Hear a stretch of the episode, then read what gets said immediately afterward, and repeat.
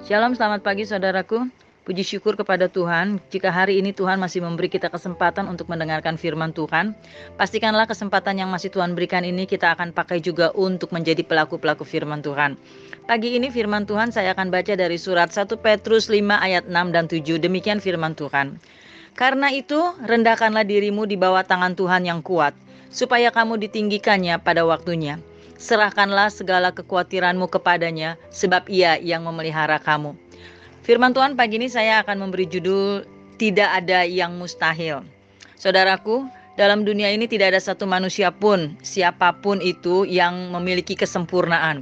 Tidak ada satu manusia pun yang uh, hidup tanpa celah, tanpa cacat.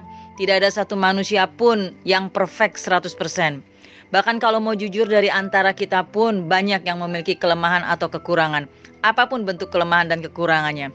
Dan tidak sedikit pula dari mereka yang memiliki kekurangan atau kelemahan tubuh sering kali menjadi minder dan tidak percaya diri. Ada yang merasa dirinya tidak pandai dan tidak lancar dalam berbicara, seperti gagap gitu. Tidak bisa menyusun kata-kata yang baik dalam berbicara.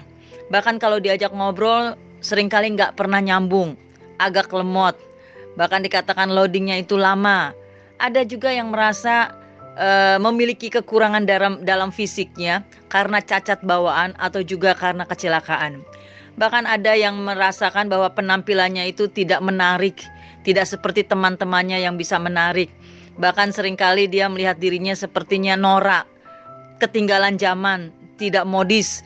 Pengetahuan pun tidak seluas pengetahuan orang lain.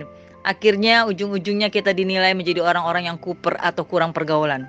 Saudaraku, kalau memang kita atau keluarga kita mengalami hal-hal tersebut, janganlah kita menjadi frustasi ataupun minder. Jangan juga kita merasa bahwa kita sudah tidak berguna lagi karena memiliki banyak kekurangan dan kelemahan.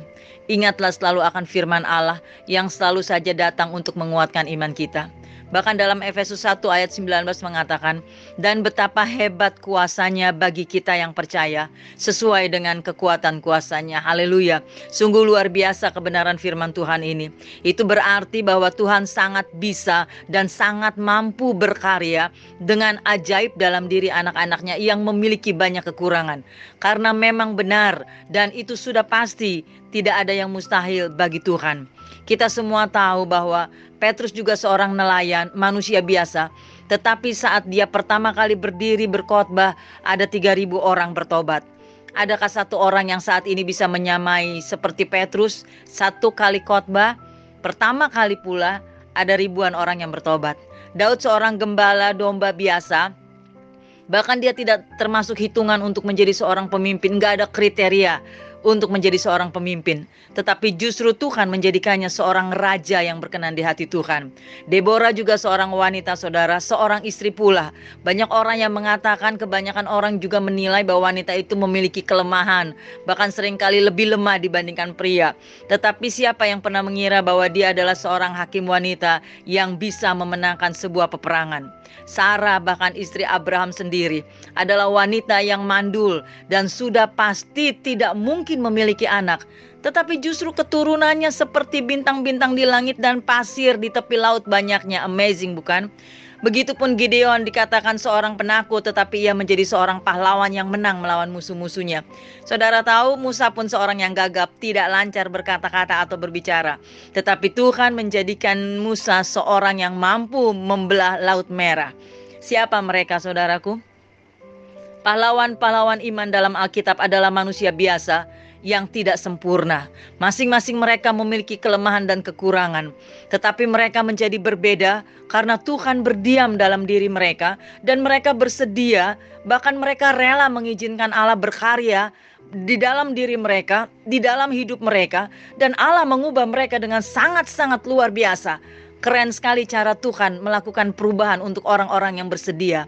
Saudaraku, Sebenarnya tidak ada alasan bagi kita untuk mengatakan saya tidak bisa melayaninya, saya tidak bisa bersaksi, saya tidak bisa berubah. Dari sananya memang saya begini, karakter saya memang begini, suku saya memang begini. Saudaraku, janganlah kekurangan dan kelemahan kita menjadi alasan untuk Tuhan tidak bisa memakai kita. Mengapa? Karena sebenarnya dalam kelemahan dan kekurangan kita, kuasa Tuhan justru semakin sempurna dinyatakan. Allah sangat mampu memakai siapa saja dengan ajaib.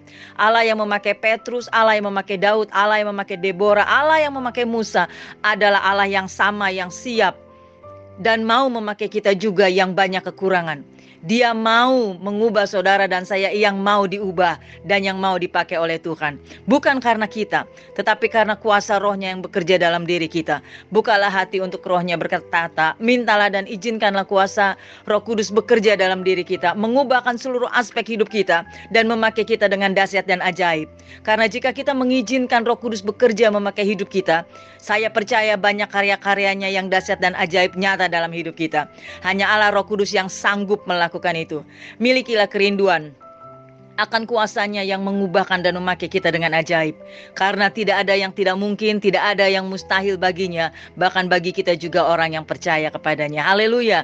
Kiranya karya Roh Kudus yang luar biasa semakin nyata dalam pribadi saudara dan saya yang selalu setia menjadi pendengar renungan pagi di Good News ini. Haleluya. Tuhan Yesus memberkati. Sampai jumpa esok hari. Kiranya damai sejahtera dari Allah Bapa, kecintaan dan kasih karunia Tuhan kita Yesus Kristus, persekutuan serta penghiburan dari Roh Kudus menyertai kita sekalian mulai hari ini sampai Maranatha Tuhan Yesus datang.